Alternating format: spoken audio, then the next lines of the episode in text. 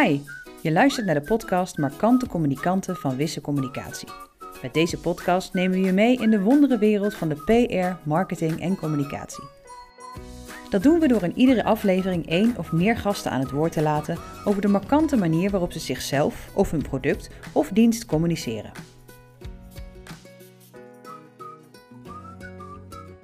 Bij het starten van een eigen bedrijf komt heel wat kijken. Waar begin je? Hoe vind en bereik je klanten? Op welke manier zorg je dat je zichtbaar bent? En wat zijn valkuilen en kansen, de do's en don'ts, bij het starten van je eigen onderneming? Hierover gaan we in gesprek met ondernemerscoach Koen Siebe en managing partner van Wisse Communicatie Serge Bekkers. Welkom heren, allebei. Dankjewel. Koen, om te beginnen met jou. Wanneer besloot jij om op eigen benen te gaan staan? Nou, daadwerkelijk besluit uh, uitvoeren, dat is in 2005 uh, gebeurd. Uh, maar als kind wilde ik eigenlijk al heel snel al ondernemer worden. Ik keek op tegen een, een, ondernemer in mijn omgeving en ik had zoiets van, ja, dat, dat wil ik ook.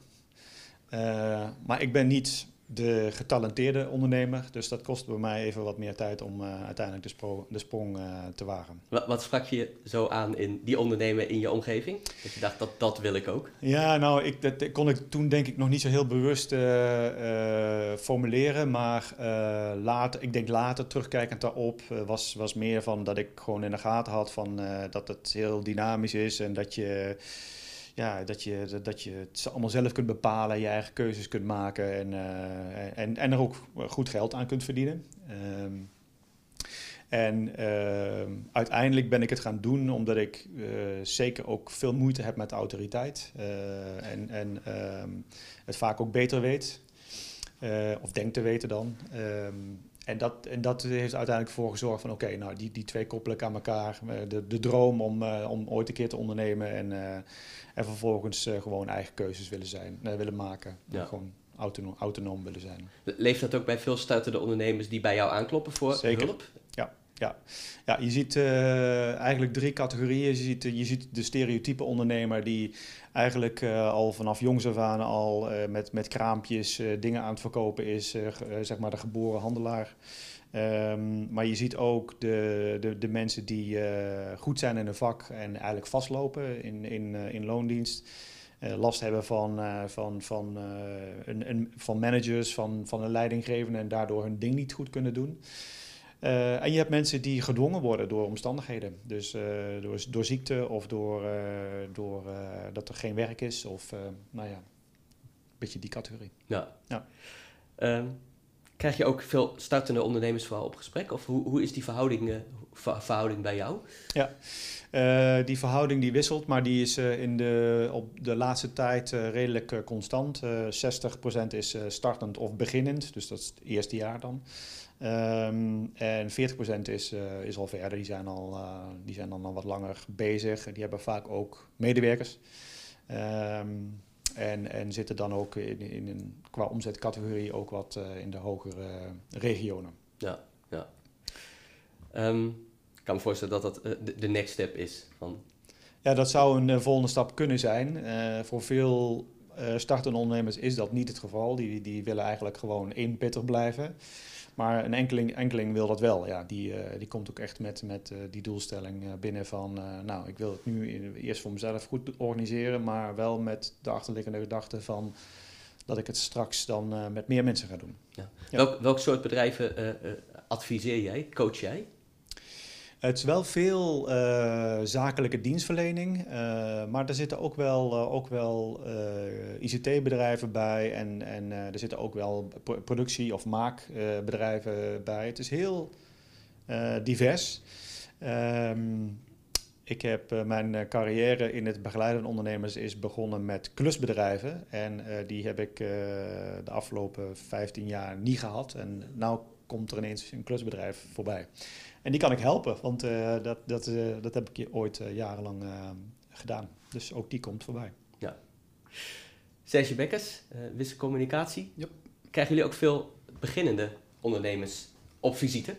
Nee, echt beginnende ondernemers eigenlijk niet. En dat heeft er veel mee te maken dat heel veel mensen niet weten dat communicatie echt vanaf het begin een speerpunt zou moeten zijn. Niet alleen volgens ons, maar als je bekijkt hoe eh, bedrijven gaan floreren door vanaf het begin te communiceren, dan uh, ja, eigenlijk zou, dat, zou die awareness daarvoor groter moeten zijn. Dat is niet zo, dus meestal zeggen wij tegen beginnende ondernemers, van, hey, denk aan je communicatie, aan je profilering, aan je why, ja, noem het maar op. Dus het is eigenlijk andersom. Wij signaleren vaak van, oké, jij moet nu beginnen met je communicatie. En dat moet gelijk oplopen met de andere activiteiten binnen je mhm. bedrijf. Ik kan me voorstellen als je begint hè, met je eigen onderneming, dan ben je heel erg gefocust op... Uh, uh, je dagelijkse uh, gang van zaken, het, het, nou, het, zorgen voor, voor nieuwe klanten. Klopt. die awareness, ik kan me voorstellen dat dat niet helemaal binnen de perceptie van de beginnende ondernemer zit. Dat hoe belangrijk dat is. Ja, nee, dat, dat, dat is zeker zo. Ehm, we hebben veel technische bedrijven als klant en daar zitten techneuten en die weten heel veel van de techniek en die weten weinig van communicatie, maar die zeggen, ja weet je, schrijven kan toch iedereen? We huren wel een secretaresse in. Zo gebeurt het echt. En uh, niet iedereen kan schrijven en beseft uh, hoe communicatie in elkaar zou moeten zitten. Dus ik snap dat er een uh, discrepantie is, maar die moeten we wel weg zien te halen. Ja. In belang van iedereen. Wat jullie doen en wat jullie kunnen doen, daar gaan we het zo verder over hebben. Maar ik wil nog even eerst terug naar het, het geheim van de goede ondernemer, goed ondernemerschap. wat is dat? Waar, waaraan moet je voldoen om, dat, om, om een goede ondernemer te kunnen worden? Koen? Ja, nee, ik, ik maak vaak de, de, de verbinding en de relatie met, uh, met sport. Um, uh, een, een, bijvoorbeeld een, een profvoetballer. Uh, je, moet, je, je, moet goed kunnen voetballen, als het ware. Je moet, je, je, het, je moet het kunstje goed kunnen. maar het vraagt ook om, om training. En het vraagt er ook om dat je voor jezelf bepaalt uh, wat, je, wat je wilt doen en uh, waar je naartoe wilt, wat je wilt bereiken. En dat geldt voor ondernemers net zo. Um, je moet eerst goed nadenken over uh, wat betekent het eigenlijk om ondernemer te zijn. Um, en en, en wat, wat wil ik dan? Waar wil ik dan naartoe? En daar wordt vaak onvoldoende bij, bij stilgestaan. Um, nou, de uitzondering daarop, dat is de, de getalenteerde ondernemer die het eigenlijk vanaf het begin af aan al, al doet. Hè, als klein jongetje al aan het onderhandelen was. Um, dat zijn de mannen en vrouwen die, die het kunstje gewoon van nature goed, goed begrijpen. En die zul je niet vaak horen zeggen dat ze een ondernemingsplan hebben geschreven of iets, iets in die geest. Uh, hebben ze nooit nodig gehad. Um, evengoed worden er toch ook wel gewoon fouten gemaakt. En dan is het, uh, ben je in staat om daar op te reflecteren en, en, en op bij te sturen. Ja, ja. Hoe, hoe belangrijk is het maken van een, een goed plan, een ondernemersplan? En is dat een must om te doen? Um, het is geen must. En zeker uh, wat ik je net al zei, die getalenteerde ondernemer die zal het niet snel doen. Die heeft het geduld er ook niet voor. Um, maar uh, ja, er, zijn, er zijn varianten. En uh, als je kijkt naar banken, UWV, gemeentes, um, die, die hameren daar op. en dan denken ze vaak in termen van het klassieke ondernemingsplan. Ik ben er zelf niet zo'n voorstander van. Uh, het is vaak een, eh, een, een droog argument. Uh, er worden ook termen gebruikt die de ondernemer zelf niks, niet zoveel zegt. Kun je daar voorbeelden van geven? Wat, wat, wat staat er in zo'n klassiek ondernemersplan? Ja, daar staat bijvoorbeeld een, het onderdeel financieringsplan of de, de, de, de, de marketingmix of ehm, gewoon ehm, jargon afkomstig uit de betreffende gebieden. Um, wil niet zeggen dat ze niet relevant zijn, alleen het, het zegt de gemiddelde ondernemer niet altijd iets. Uh, ik maak zelf graag gebruik van uh, het Lean Canvas uh, model. Dat is een heel overzichtelijk model waar in principe alle elementen van een ondernemingsplan ook in zitten. Alleen het is overzichtelijker en het is iets intuïtiever samengesteld. En het doel is het uiteindelijk hetzelfde, namelijk dat je voor jezelf gewoon helder hebt wat je wil gaan doen, wie je wil gaan bedienen, of het potentie heeft, of je aan het eind van de streep ook iets overhoudt. Dat is natuurlijk ook erg belangrijk. Um, dus het is niet per se nodig dat je een, een ondernemingsplan schrijft, maar het is wel handig dat je van tevoren nadenkt over, en dat kan ook op een bierviltje. -hmm. ja. Goed ondernemerschap, Serge, wat, wat, is het geheim daarvan? Wanneer ben je in jouw ogen nou, gedoemd tot succes? gedoemd tot succes ben je, denk ik, als jij flexibel bent en kunt inspelen op wat jouw klanten nodig hebben. En ook op wat ze niet nodig hebben. Dus eh, allemaal leuk vanuit die passie en de why. Maar als jouw klanten niet op zoek zijn naar wat je aanbiedt, dan moet jij toch echt een andere richting op. Want anders eh, gaat je onderneming onderuit. Dus ik denk flexibiliteit. En als je dat doortrekt naar communicatie, echt vooral nieuwsgierigheid. Wat gebeurt er om mij heen? Wat gebeurt er in de sector? Wat gebeurt er bij mijn klanten? Hoe moet ik dat bijsturen? Dus letterlijk nieuwsgierig zijn. Mhm. Ja. Ja, ja. Even terug naar dat eh, ondernemersplan. Ehm, in hoeverre eh, nou, kan je inderdaad de beginnende ondernemer of de ondernemer die al een tijdje bezig is, eh, daarbij helpen om dat helemaal helder te krijgen van nou, die kant wil ik op, op die kant ga ik me richten, dit product of deze producten ga ik aanbieden. Ehm, hoe kan je daarbij bij helpen en hoe doe jij dat? Ja, als ondernemingscoach ben ik eigenlijk eh, vooral bezig met het, het, het, het scherp stellen van, eh, van, van doelen en het maken van keuzes. Ehm, dus de ondernemer geeft mij informatie en, en, en dan, daar, ik duik daarin en ik, ik ga kritische vragen stellen. Eh, ik ga ook de, de discrepanties en de, en de, de, de on, onduidelijkheden en de onlogische dingen ook eh, eruit eh, halen. Om vervolgens dus op tafel te krijgen van wat, het zou, wat het zou moeten worden. En daar neem ik natuurlijk wel ook wat in mee van welke potentie zie ik, het, zie ik zelf. Hè? Ik krijg natuurlijk ook wel eens ondernemers aan tafel die denken, oeh, dit wordt heel lastig. Ehm, en, en, en ik krijg ook ondernemers aan, aan tafel dat ik, wat ik meteen echt uh, laaiend enthousiast ben. Van, ja, dit wordt briljant. Dit Ja. gaat mega succesvol worden. Kun- Kun je, eh, zonder namen en, en nummers te noemen, maar heb je nou een voorbeeld dat je eh, al vanaf het begin dacht van oeh, dat is wel, een- dat is wel een spannende of dat, dat, dat plan is niet helemaal doordacht, want er zitten te veel valkuilen in. Ja, ja het is. Het, ehm, kijk, op het moment dat een idee eh, schaalbaar is, dan, eh, dan heb je al iets interessants te pakken. Want dan, eh, dan kun je het laten groeien en dan wordt het op een gegeven moment ook al wat minder afhankelijk van jouzelf. Ehm, nou, voor de meeste ondernemers is die schaalbaarheid een, een lastig element. Maar zodra ik die schaalbaarheid zie, dan denk ik: oké, nou hier komen we wel uit. Ehm, als het gaat om eh, meer eh, uurtje factuurtje, dan, eh, ja, dan, dan, dan wordt dat uitdagender voor, voor de gemiddelde ondernemer. En dan is het van ehm, in hoeverre he- heb je inderdaad de vaardigheden en de capaciteiten en de, de, de, de mindset van een ondernemer. Ehm, ik krijg veel dienstverleners aan tafel die hele goede professionals zijn, maar geen ondernemer.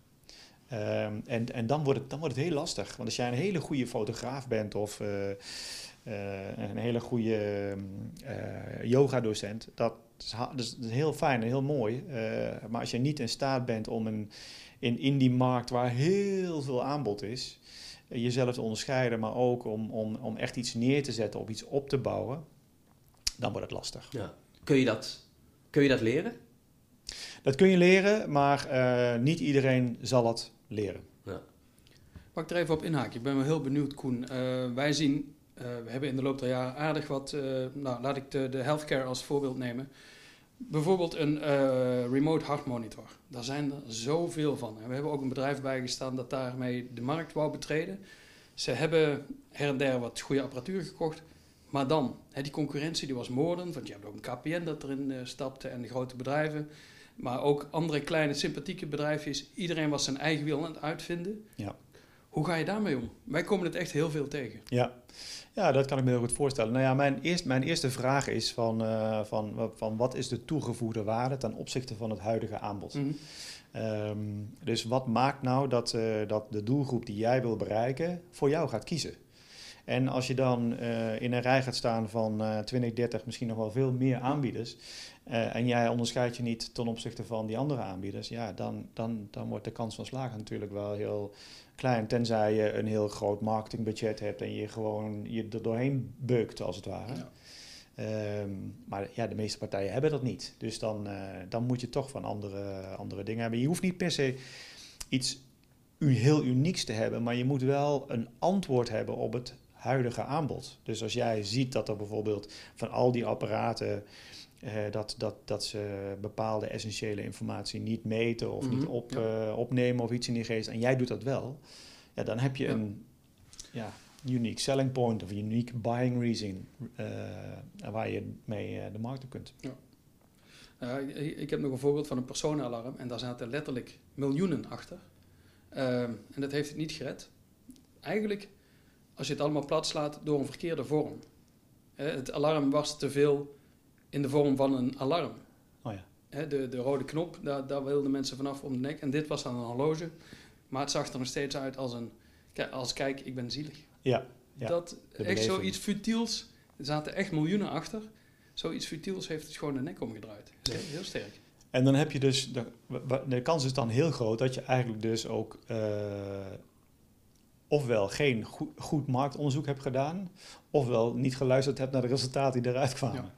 Uh, en en dat, dat, dat is dus ook wat, wat vaak misgaat, is dat je dus onvoldoende je hebt verdiept inderdaad in, in je doelgroep, wat ze, wat ze belangrijk vinden.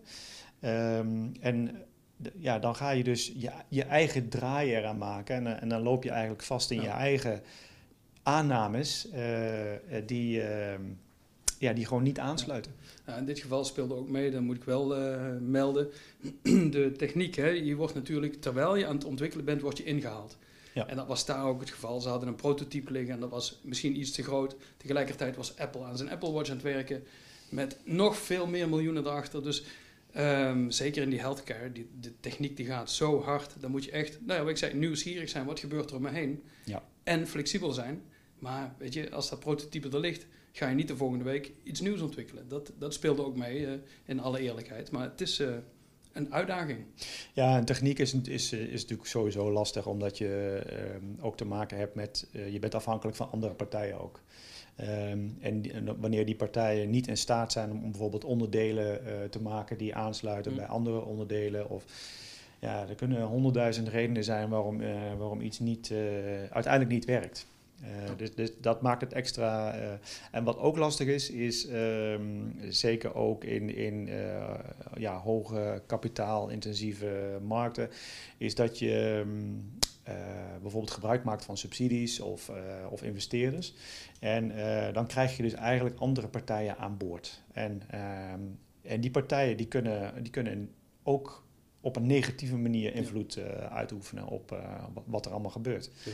Ja. dat zijn hele andere spelletjes. Ehm, dat heeft dan vaak ook niks meer met ondernemerschap nee, te maken. Nee. Ja nog even terug naar, uh, naar de basis en, en de start. Hoe belangrijk is het om je, je plannen en je ideeën uh, ook voor te leggen aan bijvoorbeeld omgeving, vrienden, om daarover te sparren, om je een beeld te vormen uiteindelijk van ah, dit is waar ik naartoe wil, de, de, de juiste vragen misschien ook wel ja. gesteld te krijgen, zodat je echt kritisch blijft op, op wat je aan het doen bent voordat je doorgaat. Ja. Ja, heel belangrijk. Uh, daar begint communicatie eigenlijk al. Hè? Uh, daar, het delen van, van, je, van, van je plannen en wat je wil gaan doen, dat is super belangrijk. Dat, dat, dat moet ook een soort ehm, automatisch ding worden. Dat, dat op het moment dat je ergens bent, dat je, dat, dat je eigenlijk vrijwel meteen eh, denkt van oké, kan ik hier mijn, mijn ideeën of mijn plannen delen. Ik ken een heel mooi voorbeeld van een, van een, van een ondernemer die echt een heel mooie, mooie uitvinding had gedaan in wat, een, wat een oplossing was voor de hoge ziekteverzuim van ambulancebroeders. En uh, deze man die, die kwam terecht in een hoog concurrerende markt. En was bang dat als hij zijn, zijn plannen zou delen, dat, hij, dat, dat, dat meteen gekopieerd zou worden of dat hij gesuwd zou worden of weet ik veel wat. Dus hij was heel voorzichtig met het delen van zijn, ehm, van zijn plannen.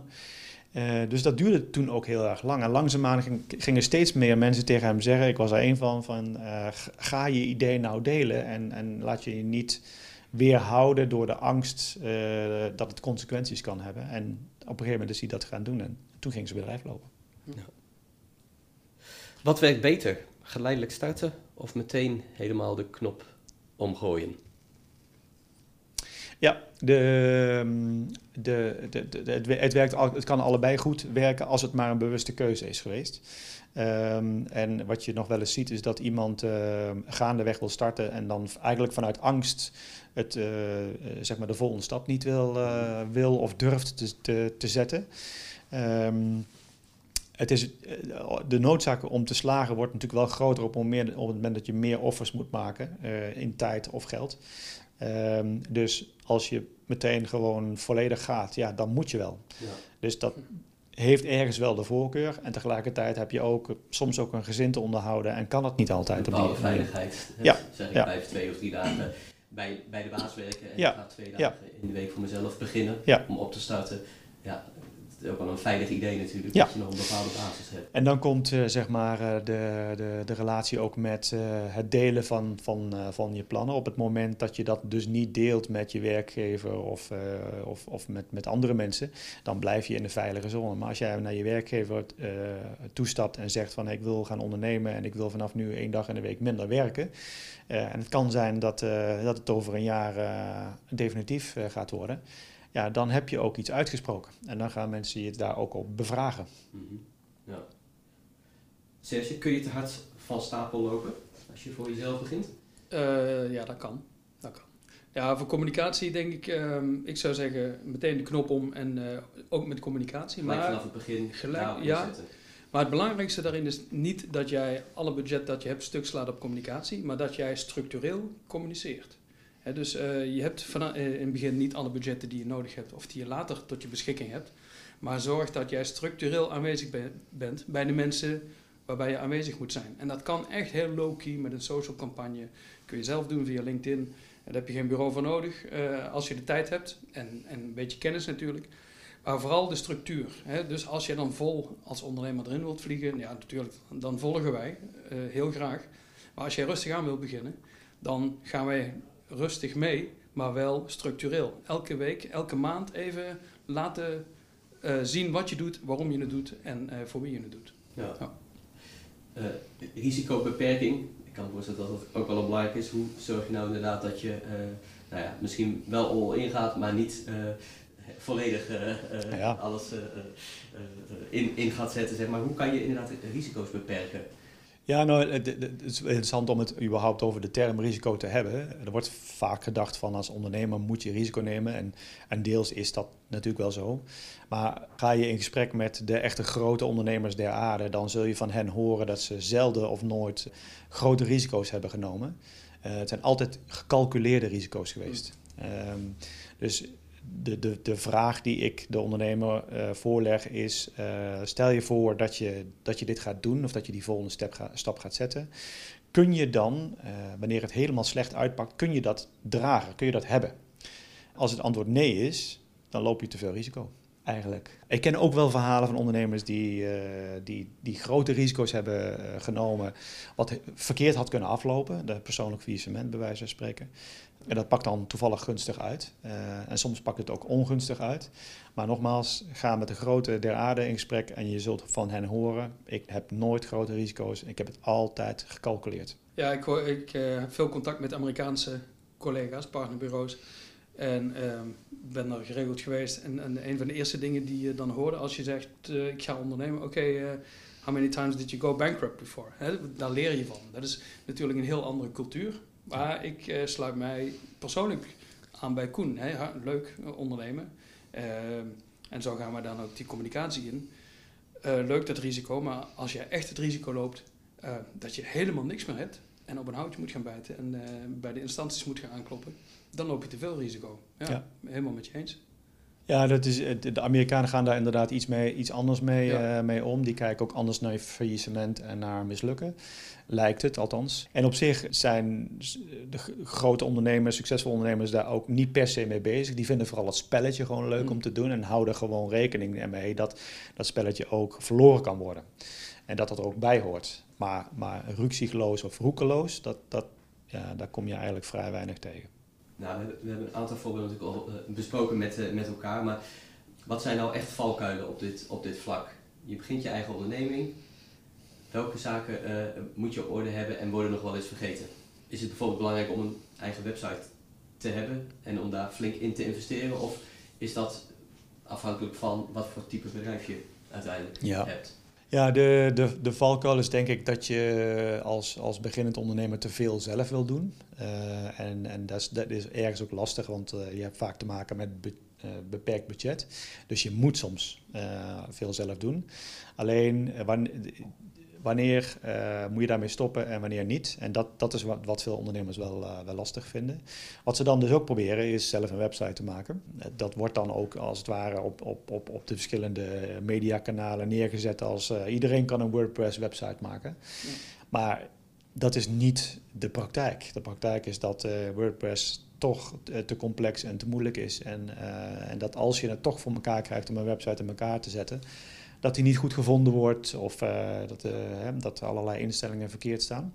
Dus ik ben wel geneigd om te zeggen van besteed, zeker als je afhankelijk bent van zoekresultaten in Google of, of andere social media platforms, besteed dat dan uit. Want dat, zijn, dat is gewoon vakwerk en, en dat gaat je uiteindelijk heel veel meer opleveren wanneer je die investering daarin doet. Helemaal mee eens. kan je uit uh, het PR- en communicatie-oogpunt inderdaad uh, uh, daar wellicht ook nog wat, wat tips geven van ja. waar moet je nou echt aan denken? Ja, nee, ja kijk, communiceren is een vak. Dat, dat mag duidelijk zijn dat ik dat vind. Dus jouw website, ja, misschien kun je hem bouwen, maar staat er ook de juiste content op? Heb je daar inderdaad de juiste zoekwoorden bij? Bereik je de juiste mensen? Is het een digitale volger of is het echt een interactief platform waar je dingen kunt downloaden, meningen kunt achterlaten en noem maar op. Hè. Je hebt uh, heel veel verschillende smaken. Zorg dat die content goed staat, want content is king. Men vroeger al, nou dat is nog steeds zo. Als jouw content niet goed is, dan hè, dat is je eerste contact met nieuwe klanten, nieuwe medewerkers, met je netwerk. Dan uh, sta je 2-0 achter. Dus dat is inderdaad heel belangrijk. Ja. En we zien alle uh, smaken voorbij komen en adviseren daar ook vrij, nou agressief ook zeggen dat niet, maar vrij sterk robuust in. Ja, ja, ja, ja, absoluut. Want anders gaat het mis. Ja, zeker. Ja. Uh, tot slot, Koen, welke drie, drie tips zou jij uh, startende ondernemers mee willen geven?